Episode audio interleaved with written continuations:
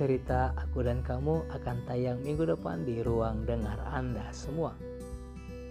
Mari siapkan kisahmu dalam sebuah ceritamu yang mengubah dunia.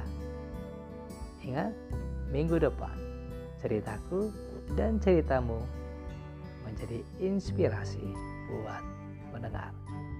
Sampai ketemu dan salam jumpa dari saya buat Anda semua. Bye bye.